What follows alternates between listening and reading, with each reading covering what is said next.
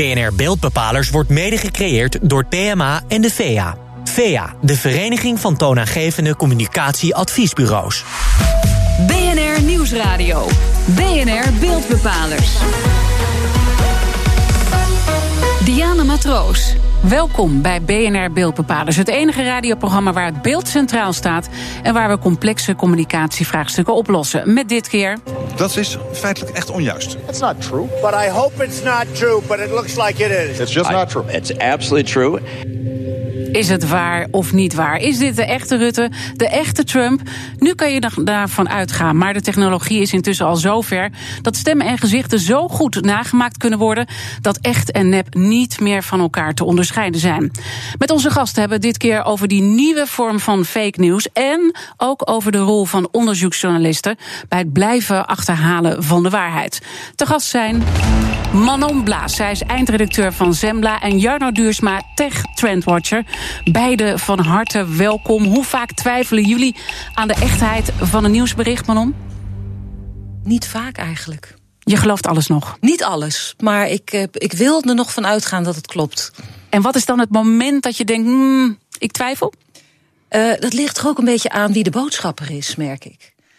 Dus als, ik niet, als het diffuus is wie de boodschapper is... en als het diffuus is hoe het nieuws wat ik geserveerd krijg... tot stand is gekomen... dan, uh, dan ga ik twijfelen.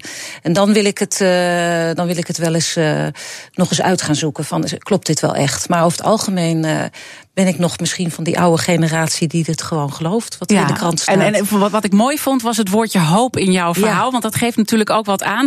Uh, Jarno, hoe sta jij daarin? Hoe vaak twijfel jij aan de echtheid van een bericht? Nou, in de basis altijd, zeg maar. Dus mijn, mijn twijfel. Ik kijk wel altijd naar de bron. Hè. Dus als bijvoorbeeld New York Times is, dan denk ik, nou, dit met, met aan zekerheid grenzende waarschijnlijkheid. Maar verder ben ik altijd. Uh, in de basis twijfelend over alles wat ik lees. Omdat heel veel vanuit een bepaald uitgangspunt. Hè, en ook journalistiek wordt soms. Uh, je kunt, die kan soms niet happen en bijten. Omdat ze de dag daarna weer naar een bron terug moeten, bijvoorbeeld. Dus ik ben in de basis best kritisch. En dan natuurlijk ook het uh, effect wat je hebt van nieuwe technologische ja. mogelijkheden. Want ik verwees daar net al eventjes naar. Je kan eigenlijk, uh, kunnen we Rutte alles laten zeggen. Nou, dat is toch hoe, ver, even, hoe ver zijn we daarmee? Ja, dat, dan, dat, dat is exact de goede vraag. Want. Um, in als het gaat om beeldmanipulatie en videomanipulatie zijn we al heel ver, zeg maar. Dus uh, daar, daar zien we de eerste glimpen van, van fake news in realiteitsvorm uh, opduiken. Het nabootsen van een stem zonder dat je daar professionele uh, gereedschap voor hebt, is nog lastiger. Is nog iets meer houtje touwtje. Dat kan al wel, maar kijk bijvoorbeeld bij videobewerking, dat kan iemand op zijn zolderkamer met een sterke computer, die kan bij wijze van spreken, dus jouw foto ergens op iemand anders plakken en dan van alles zogenaamd laten uh, zeggen of doen. Dus qua video- en beeldbewerking zijn we heel ver en, en is dat ook vaak open source. En dat zijn twee precies dezelfde dingen, of de, de moeilijke dingen. Het is open source, dus kan gratis van het internet gedownload worden. En het kan op één computer draaien en nou, binnen 24 uur zo'n video renderen. Zeg ja, maar, dus hè? iedereen kan er eigenlijk, Precies. iedere gek kan ermee aan de slag. Correct. Maar je zegt nu al dat professionals dit al heel goed kunnen maken. Dus op het moment dat jij de professionals in huis hebt en je wil een samenleving ontwrichten, door bijvoorbeeld uh, Rutte te laten zeggen dat er een aanslag is geweest, terwijl dat niet zo is, zou dat kunnen? Ja, dat zou kunnen, zeg maar. Maar dan moet je wel van goede huis komen. Maar dat, daar zie, zie ik niet meteen het grootste vraag. Maar theoretisch kan het wel. Maar zijn er ook al voorbeelden dan? Van wat jij net zegt, met van die nieuwe technologieën die dus nieuws of fake nieuws op die manier in de wereld hebben gebracht? Nou, al heel veel. Uh, uh, he, daar, ik, ik geloof Als je het hebt over beeldmanipulatie, hè? Nou, uh, er zijn verschillende voorbeelden waarin uh, politici van wereldniveau zaken zeggen die ja, expres onsamenhangend zijn. Ik geloof ook dat een gerenommeerde krant, ik ben even de naam kwijt, een, een video van Obama had gemaakt waarin hij. Onaardige dingen over uh, president Trump uh, zei. Dus die video's zijn er wel, maar allemaal wel in de titelbeschrijving heel helder. Hè, uh, fake video. Het wordt nu nog gezegd Ja, dat het uh, Oké, fake het is nu is. nog Ja. te onderscheiden. Het is nog Ja. te onderscheiden, maar de toekomst uh, zal weer barstig zijn, denk Mhm. ik, op dat punt. Als je kijkt hoe snel die technologische ontwikkelingen gaan. Mhm. Manon, jij bent als onderzoeksjournalist altijd bezig om de waarheid naar boven te halen. Ja. Je zegt, ik hoop toch uh, heel veel berichten, geloof ik nog, en ik hoop daar ook op. Uh, toch, fake news valt veel vaker. En we hebben veel vaker daar gesprekken over. Uh, wat vind jij de grootste zorg als het gaat om fake news? Um, nou, dat begint eigenlijk even bij hoe, hoe, dat woord fake news. Waar komt dat eigenlijk vandaan? Hè? En we hebben natuurlijk uh, uh, Trump, die noemt journalisten de vijanden van uh, niet alleen van hem, maar ook van de burgers. En hij roept dat ook vaak, fake news. Dat vindt hij, dat vindt hij een, belangrijk, een, een belangrijk woord om vaak te, te roepen. daar begint eigenlijk al mijn zorg en daar begint al het gevaar. Want dan krijg je een soort van self-fulfilling prophecy. Hè? Dus je roept het en dan is het er ook. En dan ga je het ook, uh, denk ik, als, als, als luisteraar of als lezer of als televisiekijker, ga je het ook toepassen. Zal dit fake zijn? Is dit echt? Dat is niet erg. Ik hou van kritische burger, uh, burgers en ik hou van kritische luisteraars, kijkers en lezers. Maar daar, daar de framing is al uh, een, een, een, een. Want feit. zou er kunnen gebeuren als het zo geframed wordt, dan is de burger kritischer. En dan zeg je, dat is wel goed, maar ik hoor ja. ook maar een maar daarachteraan. Nou ja, maar kijk, er is ook fake news, want er worden ook dingen in de wereld gebracht. En dat, ik, zie, ik zie dat niet zo snel gebeuren dat dat door journalisten per se wordt, gebeur, wordt gedaan. Dat wordt eerder gedaan door de belanghebbenden, door de machten en de krachten die wij nou juist moeten controleren. Die er dus belang bij hebben dat een verhaal anders in het uh, nieuws komt dan wij hebben onderzocht. Omdat het namelijk afbreuk doet bijvoorbeeld aan hun bedrijf of aan hun inkomsten. En dan hebben ze er belang bij om het tijd te keren en zand in de wielen te gooien of, of zand in de ogen te strooien, zodat het diffuus wordt. En dan moet je nog maar zien of je de feiten en, en, en fictie kan ontwarren. He, dat is hartstikke lastig. Ook dus voor... vooral die verwarring creëren, dat ja, zie je nu heel vaak dat gebeuren. Dat zie ik gebeuren, ja. Uh, hoe, hoe kijk jij hiernaar, uh, Jarno? Want uh, steeds meer mensen maken zich in ieder geval zorgen over fake news. Wereldwijd maakt meer dan de helft van de mensen zich ernstige zorgen daarover. In Nederland ligt dat nog een stuk lager, maar zijn er ook wel zorgen. Mm -hmm. Zeker als mensen steeds meer op social media gaan kijken. Mm -hmm. Hoe kijk jij daarnaar? Nou, kijk, je hebt gewoon fake nieuws waarin iemand iets verzint en daar een artikeltje over tikt en dat als waarheid naar buiten brengt. Hè. Dat is fake nieuws 1. Maar waar mijn zorg natuurlijk voor, vooral zit, is dat als het gaat om manipuleren van beelden vrijwel in real time, of creëren van mensen die iets zeggen uh, wat ze niet gezegd hebben, uh, ja, dat vind ik een reden tot zorg. Hè. Dus op het moment dat je iemand stem kunt klonen en die van allerlei dingen kunt laten zeggen, hè, dat is natuurlijk een reden tot zorg, omdat de betrouwbaarheid bijvoorbeeld van dit medium radio komt daarmee ook in het geding. Hè? Maar daar komt de rol van uh, voor de onderzoeksjournalistiek natuurlijk ook heel erg. Ja, ja die, die is wel belangrijk. Maar, maar, vertel nog even wat voorbeelden wat, wat jij nu ziet gebeuren en hoe we daar dan te maken mee zouden kunnen krijgen. Nou ja, kijk, je, je kunt je zo voorstellen, en daar maak ik me dan zorgen om. Ik maak me niet zorgen om die, die, die uitgebalanceerde uh, nieuwsbronnen met, met veel tijd. Ik maak me zorgen om bijvoorbeeld, stel een video van een Israëlische generaal die iets vertelt over de Palestijnen bijvoorbeeld, en, en, en explosief geopolitiek uh, gebied uh, bijvoorbeeld. Of zaken met heel veel maatschappelijke onrust, waar ineens een bron, een video opduikt uh, uh, van een zogenaamde leven, levensechte gebeurtenis. Waarbij de journalistiek niet of als, niet als betrouwbare bron wordt gezien. Of waarbij ze gewoon niet de tijd en de skills hebben om te beoordelen van is dit waar of is dit niet waar. Mm -hmm. He, en, en je kunt daarbij heel makkelijk in. Ik geloof dat er was een, een onderzoek van een uh, van volgens mij de Telegraph. En die had foto's gemanipuleerd met uh, een ontmoeting tussen Iran en, en, uh, en, en, en Obama. En vervolgens bleek ook dat mensen in hun hoofd hadden na het zien van die test dat er ooit zoiets had plaatsgevonden. Dus het had mm -hmm, zich genesteld ja. in hun brein. En de, vooral geopolitiek vind ik het een, uh, vind ik het een, een, een hè, dus als we het over fake news hebben. Maar ik zie ook een heel groot uh, risico in uh, dat, dat bijvoorbeeld verkiezing beïnvloed wordt. Of dat mensen chantabel worden. Of dat ze hè, middels het beïnvloeden van of het creëren van nepvideo's mensen ineens chantabel worden. Omdat er, met een pornovideo. met een pornovideo bijvoorbeeld. bijvoorbeeld richting ja. een CEO. Precies, ja. ja. Dat, dat is een, ik denk, en dat speelt nu al, zeg maar. Dus ik weet dat daar al, dat dat al speelt. Maar dat wordt natuurlijk veel groter naarmate die technologie makkelijker wordt om te gebruiken. En dan is de vraag: zijn journalisten daar klaar voor? Hè? Want nu zitten we nog in een redelijk safe periode waar het toch ja. nog een beetje houtje touwtje is. Maar als ja. dit echt meer de praktijk gaat worden, mm-hmm. en jij nu ook al uh, voorbeelden geeft van mensen die chantabel zijn op deze ja. manier, kunnen journalisten daar voldoende doorheen prikken? Ik hoop het. Ik denk van wel. Ik, uh, ik, moest, ik moest net denken toen jij uh, dit vertelde: van ja, weet je, wij moeten dan vooral ook gaan uitzoeken wie heeft er belang bij om, om fake nieuws te maken. Mm. Om dus de zaken helemaal door elkaar te husselen en, en, en aan elkaar te knopen en, en gewoon niet meer met de waarheid te komen. Daar zitten belangen achter. En ik denk als wij blijven doen wat wij moeten doen, namelijk als onderzoeksjournalisten, hè, dus niet alleen aan wa waarheidsvinding, maar ook dus uh, achterhalen waarom mensen hun macht misbruiken gebruiken hè, en, en, en uh, wat de intenties zijn, Nee, maar dat- dan, dan denk ik dat je ook beter datgene wat komt straks in de toekomst kunt bestrijden. Door Mhm. al, al, al, al aan de voorkant te begrijpen waarom dingen gebeuren. Ja, en nou. niet alleen maar te anticiperen. Ik zie jou dat- lachen enigszins van, Nou, ik kijk er anders naar. Nou, ik kijk er niet anders naar. Ik denk wat Manon zegt dat dat helemaal de waarheid is. Maar je zult zien dat de snelheid waarmee dit soort eh, content wordt gecreëerd door slimme machines.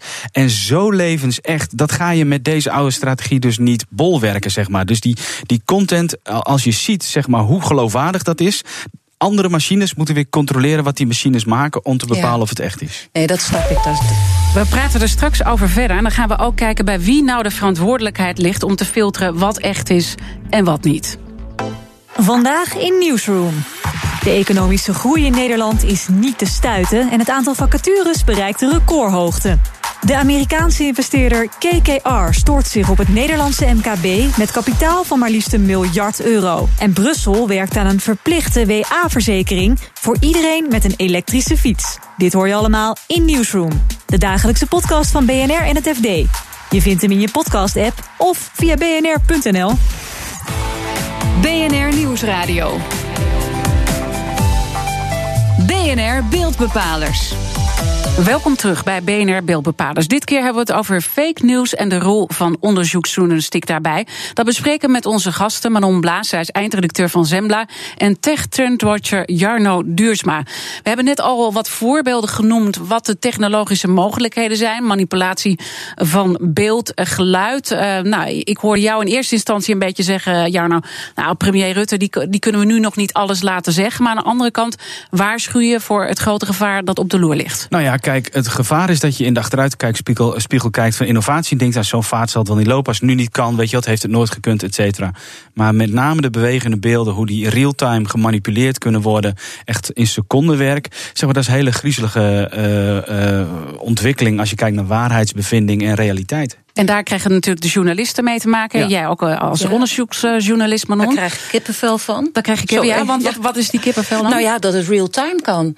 Dus live. Dus uh, je kijkt televisie en het, en het wordt gemanipuleerd. Nou, sterker nog, wat- ja, nee, maar dat. En ook als je kijkt naar bijvoorbeeld, eh, je hebt een hele grote chipmaker, ik zou de naam er niet van noemen, maar die kan redelijk in real time, als je een dashboardcamera hebt van een auto die rijdt eh, op een zonnige weg, kan die redelijk snel dat omzetten naar een, een, een sneeuw- besneeuwde weg of, of kan dag omzetten in nacht. Hè. Dus Ja. we, we, als, als we nu al bezorgd zijn over fake news, ja, weet je, dat, dat is, over twee jaar lachen we erom waar, waar we ons nu zorgen over maken. En je had ook een actueel voorbeeld vandaag waar je dacht, hmm, is dat nou wel echt? Nou ja, st- sterker nog, in het nieuwsbericht stond zelf over, die, over die, die, die stemmen van kinderen die werden weggenomen in, in, op de grens van Me- Mexico van hun ouders. En die, die kinderen die huilen. En dan zegt zo'n eh, militair, die zegt nou, er is zoveel gehuild. Het enige wat we nog nodig hebben is een dirigent. En die gaat viraal op dit moment. Ik geloof ook wel. Maar er stond ook in het nieuwsbericht van de NOS van ja, we weten niet zeker of deze opname echt is. En dat is natuurlijk een mooie kapstok waar we het nu over hebben. Dat, dat gaat steeds meer gebeuren. Hè, waarbij met, het, met de snelheid van het licht gewoon zaken gemanipuleerd kunnen Maar worden. dan is het wel goed dat de Ja. NOS zegt: we weten niet of dit authentiek is, het materiaal. En dan is het wel ook aan, aan de journalisten, aan de journalistiek en aan ons, om dat dan te achterhalen. Ja. En dan ook weer uit te zoeken, wat ik net al zei, dat is vooral onderzoeksjournalistiek heel interessant. Ja. Wie heeft er belang bij gehad om het dan eh, eerst, nou ja, als het dan niet klopt, waarom moet je dat dan al Ja, zodanig? nee, maar dat weet ik wel. Maar dan, dan, i- i- soms is het belang ook gewoon het behalen van kliks en advertentieinkomsten. hè. Ja. Dus dan is er niet eens een hogere macht. Maar iemand denkt gewoon: hé, hey, ik heb hier een toffe video. waarin Diana Matroos doet X, Y, Z. Weet je, die zet ik gewoon Ja. online. Want ik weet zeker dat maar ik dat is daar. nog perverser, zo'n prikkel eigenlijk, hè? Ja, nee, Dus maar ik om- bedoel, om- ja, je kunt, je kunt, er zit natuurlijk, dat hebben we bij de verkiezingen van Trump ook gezien. Hè, Ja. dat mensen in, wat was het ook weer, uh, Oost-Europa, Target- ja, ja, targeting. die gingen video's maken of, Ja. of, of uh, nieuwsberichten over Hillary. Ja, wat uh, alleen maar voor de kliks was. De belangrijke vraag in dit verband is: het gebeurt en het zal alleen maar meer gaan gebeuren. En het zal ook uh, nou ja, door heel veel verschillende belangengroepen uh, zal dit gaan plaatsvinden, van Ja. hoog tot laag. Ja. Daar moeten we dus gewoon rekening mee houden.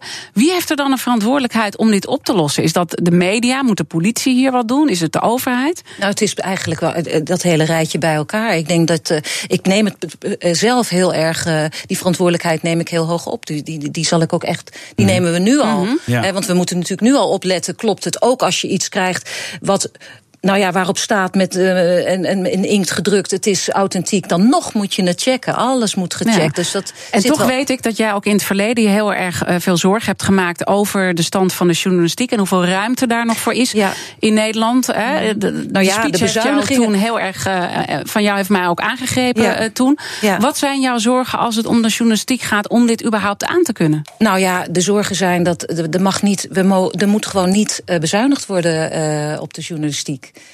Um, het is ontzettend belangrijk dat uh, niet alleen de politiek, maar ook de burger uh, een ja, journalistiek wil. Altijd en, en, en in de volle breedte. Uh, ik denk dat in een vitale democratie, zoals we dat hopelijk nu ook hebben, dat journalistiek daar een van de belangrijkste pijlers onder is. Als wij straks niet meer weten, nou ja, wat je nou al zegt, wat echt is en wat onecht is, dan, dan krijgen mensen met heel veel macht nog meer macht. En dan zijn we eigenlijk marionetten geworden. Dus uh, als iedereen dat beseft, en ik besef me dat als uh, geen ander, omdat ik in deze wereld werk. Maar ik besef het ook heus niet omdat ik mijn geld eraan verdien. Maar ik weet zelf, ik ben ook burger. En ik wil ook gewoon weten mm -hmm. of het klopt. Want wat, maak, wat maak jij nu al mee met jouw team als het gaat om uh, verhalen checken? Want we hebben net zeg maar, die technologische vernieuwingen ja. die nog op ons afkomen. Maar nu al zeg je, er wordt veel verwarring gezaaid. Je hebt een cordon aan woordvoerders, neem ik aan. Ja, nou ja, we hebben. Kijk, tegenover één journalist staat inderdaad een cordon aan spindokters, uh, woordvoerders, uh, persvoorlichters, die maar één ding willen. En dat is namelijk datgene wat wij onthullen, dat ontkrachten. Of op zijn minst verwarring zaaien. En ja, daar hebben wij tal van voorbeelden van. Er worden, naar, uit, naar aanleiding van onze uitzending, worden door bedrijven glossies gemaakt.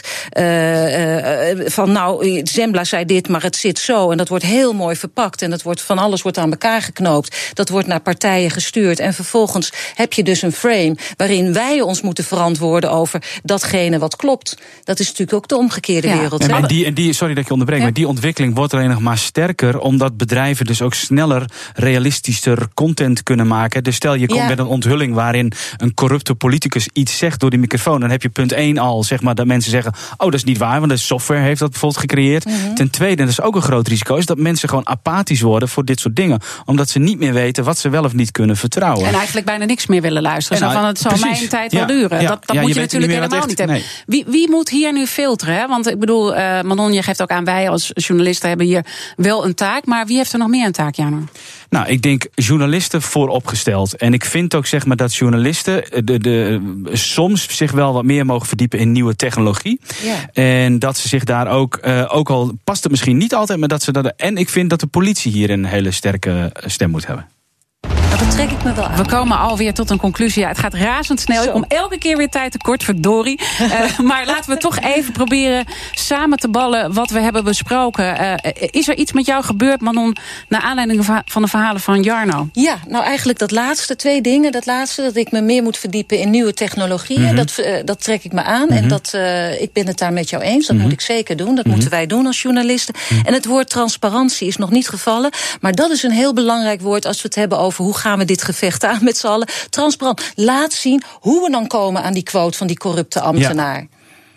Jarno. Nou ja, ik, kijk, ik, ik wil vooral dat mensen zich heel bewust worden van wat er op ons afkomt. En dat wat je ziet en wat je hoort, dat je dat in toenemende mate in twijfel moet trekken. En daarvoor moet kijken naar bronnen die jij acht als geloofwaardig. En moet nadenken over dat er ook partijen zijn die dingen de wereld in slingeren. Gewoon met het enig doel er geld aan verdienen. Maar moet de politie niet gewoon een bepaalde dienst gaan optuigen? Want ze zetten wel steeds meer in op Nee, cybercriminaliteit. Ja. Maar Ja. over dit soort verhalen zi- zitten ze daar goed in? Nou, ik weet toevallig, eh, ik gaf twee weken geleden een lezing over de risico's van kunstmatige intelligentie. En toen zat er iemand hoog in de boom bij de politie. En die zei: We gaan hier veel meer aandacht aan besteden. Dus ik weet dat het is. Maar weet je wat Maar, het maar lopen we niet eh, Holland achter de feiten aan? Altijd, eh, wederom? altijd. Maar ook, daar, ook als je dit soort beelden gaat watermerken of whatever. Je zult altijd uh, erachteraan blijven lopen. En het blijft altijd kat-en-muisspel. En dus is de journalistiek harder nodig. Hè? Maak toch een beetje reclame Ja, voor gelukkig. je Maar wel. uh, het is gewoon. Het is niet uh, anders. ik maak me er best uh, zorgen over, Ja. over de journalistiek. Waar je gewoon ziet dat redacteuren steeds minder betaald krijgen. Ja. En steeds hogere workload ook hebben.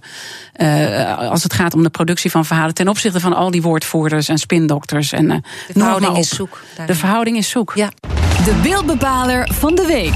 tijd voor de beeldbepaler van de week. En dit keer kijken we naar week 27. Carlijn, wat viel jou op? Ik wilde het dit keer hebben over Schumel-influencers. Volgens mij is dat een nieuw woord uh, sinds vorige week. Uh, we besproken een tijdje terug al uh, de fake achterban van zanger Dotan. Hij is natuurlijk niet de enige die er hier en daar een paar volgers bij verzint. Nou heeft Unilever deze week laten weten daar helemaal klaar mee te zijn. Um, en dat is een grote partij die dat aangeeft. Even voor het hele plaatje. Unilever gaf vorig jaar 7,7 miljard euro uit aan marketing. Zo. Uh, een deel daarvan gaat naar influencers, maar dus niet meer naar diegenen die creatief omgaan met onbestaande social media profielen. Unilever heeft eerder ook al gedreigd om van Facebook te gaan vanwege Nepra, dus zij zijn er echt wel heel erg mee bezig. Dus misschien, misschien moeten we even aan Manon vragen. Uh, vind je zoiets een goede zaak dat de een, op één na grootste adverteerder ter wereld van zoiets een punt maakt nu? Ja, waarom niet? Of omdat het een grote adverteerder is? Ik... Nou ja, ze, hebben, ze kunnen natuurlijk veel invloed hebben om dit uh, nou ja, te roepen en daar ook actie op te ondernemen. Ja. Nou ja, ik, kijk, ik, ik heb er belang bij dat zij een onderscheid maken tussen echte volgers en nepvolgers. Want daar gaat het toch om, als ik het goed begrijp? Ja. Ja. Dus ik, ik zie daar uh, geen probleem in. Het lijkt me alleen maar heel goed. Ja, nou hebben bedrijven überhaupt uh, goed mensen in dienst om te kunnen filteren wat echt is en niet? Hè? Want eerder zei je ook, mensen zijn chantabel, ook op het werk. Een mm -hmm. CEO kan je met een, mm -hmm. een nepvideo ook uh, chanteren. Kunnen ze het goed onderscheiden? Nou, dat, dat, dat weet ik niet. Je hebt twee dingen. Je hebt, uh, nee, laat ik me houden bij het verhaal van de influencers. Ik denk dat het relatief makkelijk is om te zien of, of, dat nep is of niet. Weet je, je gaat naar een profielen, je checkt of dat een beetje in verhouding is. Probleem opgelost. Aan de andere kant zijn er best wel intelligente tools om uh, views op YouTube uh, te verkrijgen en duimpjes omhoog. Weet je, dat is wat lastiger te controleren. Uh, ik denk wel dat Unilever dat het überhaupt goed is om kritisch te kijken naar waar geef je dan dat geld aan uit. Ik vind 7, zoveel miljard sowieso een belachelijk bedrag. Ik denk, dan moet je misschien ook betere producten maken, zodat je minder marketing nodig hebt. Nou, ja. Dat is weer een heel andere maar dat is discussie. Een hele andere discussie. En een hele andere uitzending, want we zijn aan het einde van deze uitzending. Uh, dank uh, Carlijn Meijners en natuurlijk ook dank aan mijn gasten Manon Blaas. Zij is eindredacteur van Zembla. En Tech Trend Watcher Jarno Duursma. Dit was alweer BNR Beeldbepalers. Terugluisteren kan via de site, de app, iTunes of Spotify. Mijn naam is Diana Matroos. Tot volgende week. BNR Beeldbepalers wordt mede gecreëerd door de VEA en PMA. PMA, Platform Media Adviesbureaus. Vandaag in Newsroom. De economische groei in Nederland is niet te stuiten en het aantal vacatures bereikt een recordhoogte. De Amerikaanse investeerder KKR stort zich op het Nederlandse MKB met kapitaal van maar liefst een miljard euro. En Brussel werkt aan een verplichte WA-verzekering voor iedereen met een elektrische fiets. Dit hoor je allemaal in Newsroom, de dagelijkse podcast van BNR en het FD. Je vindt hem in je podcast-app of via bnr.nl.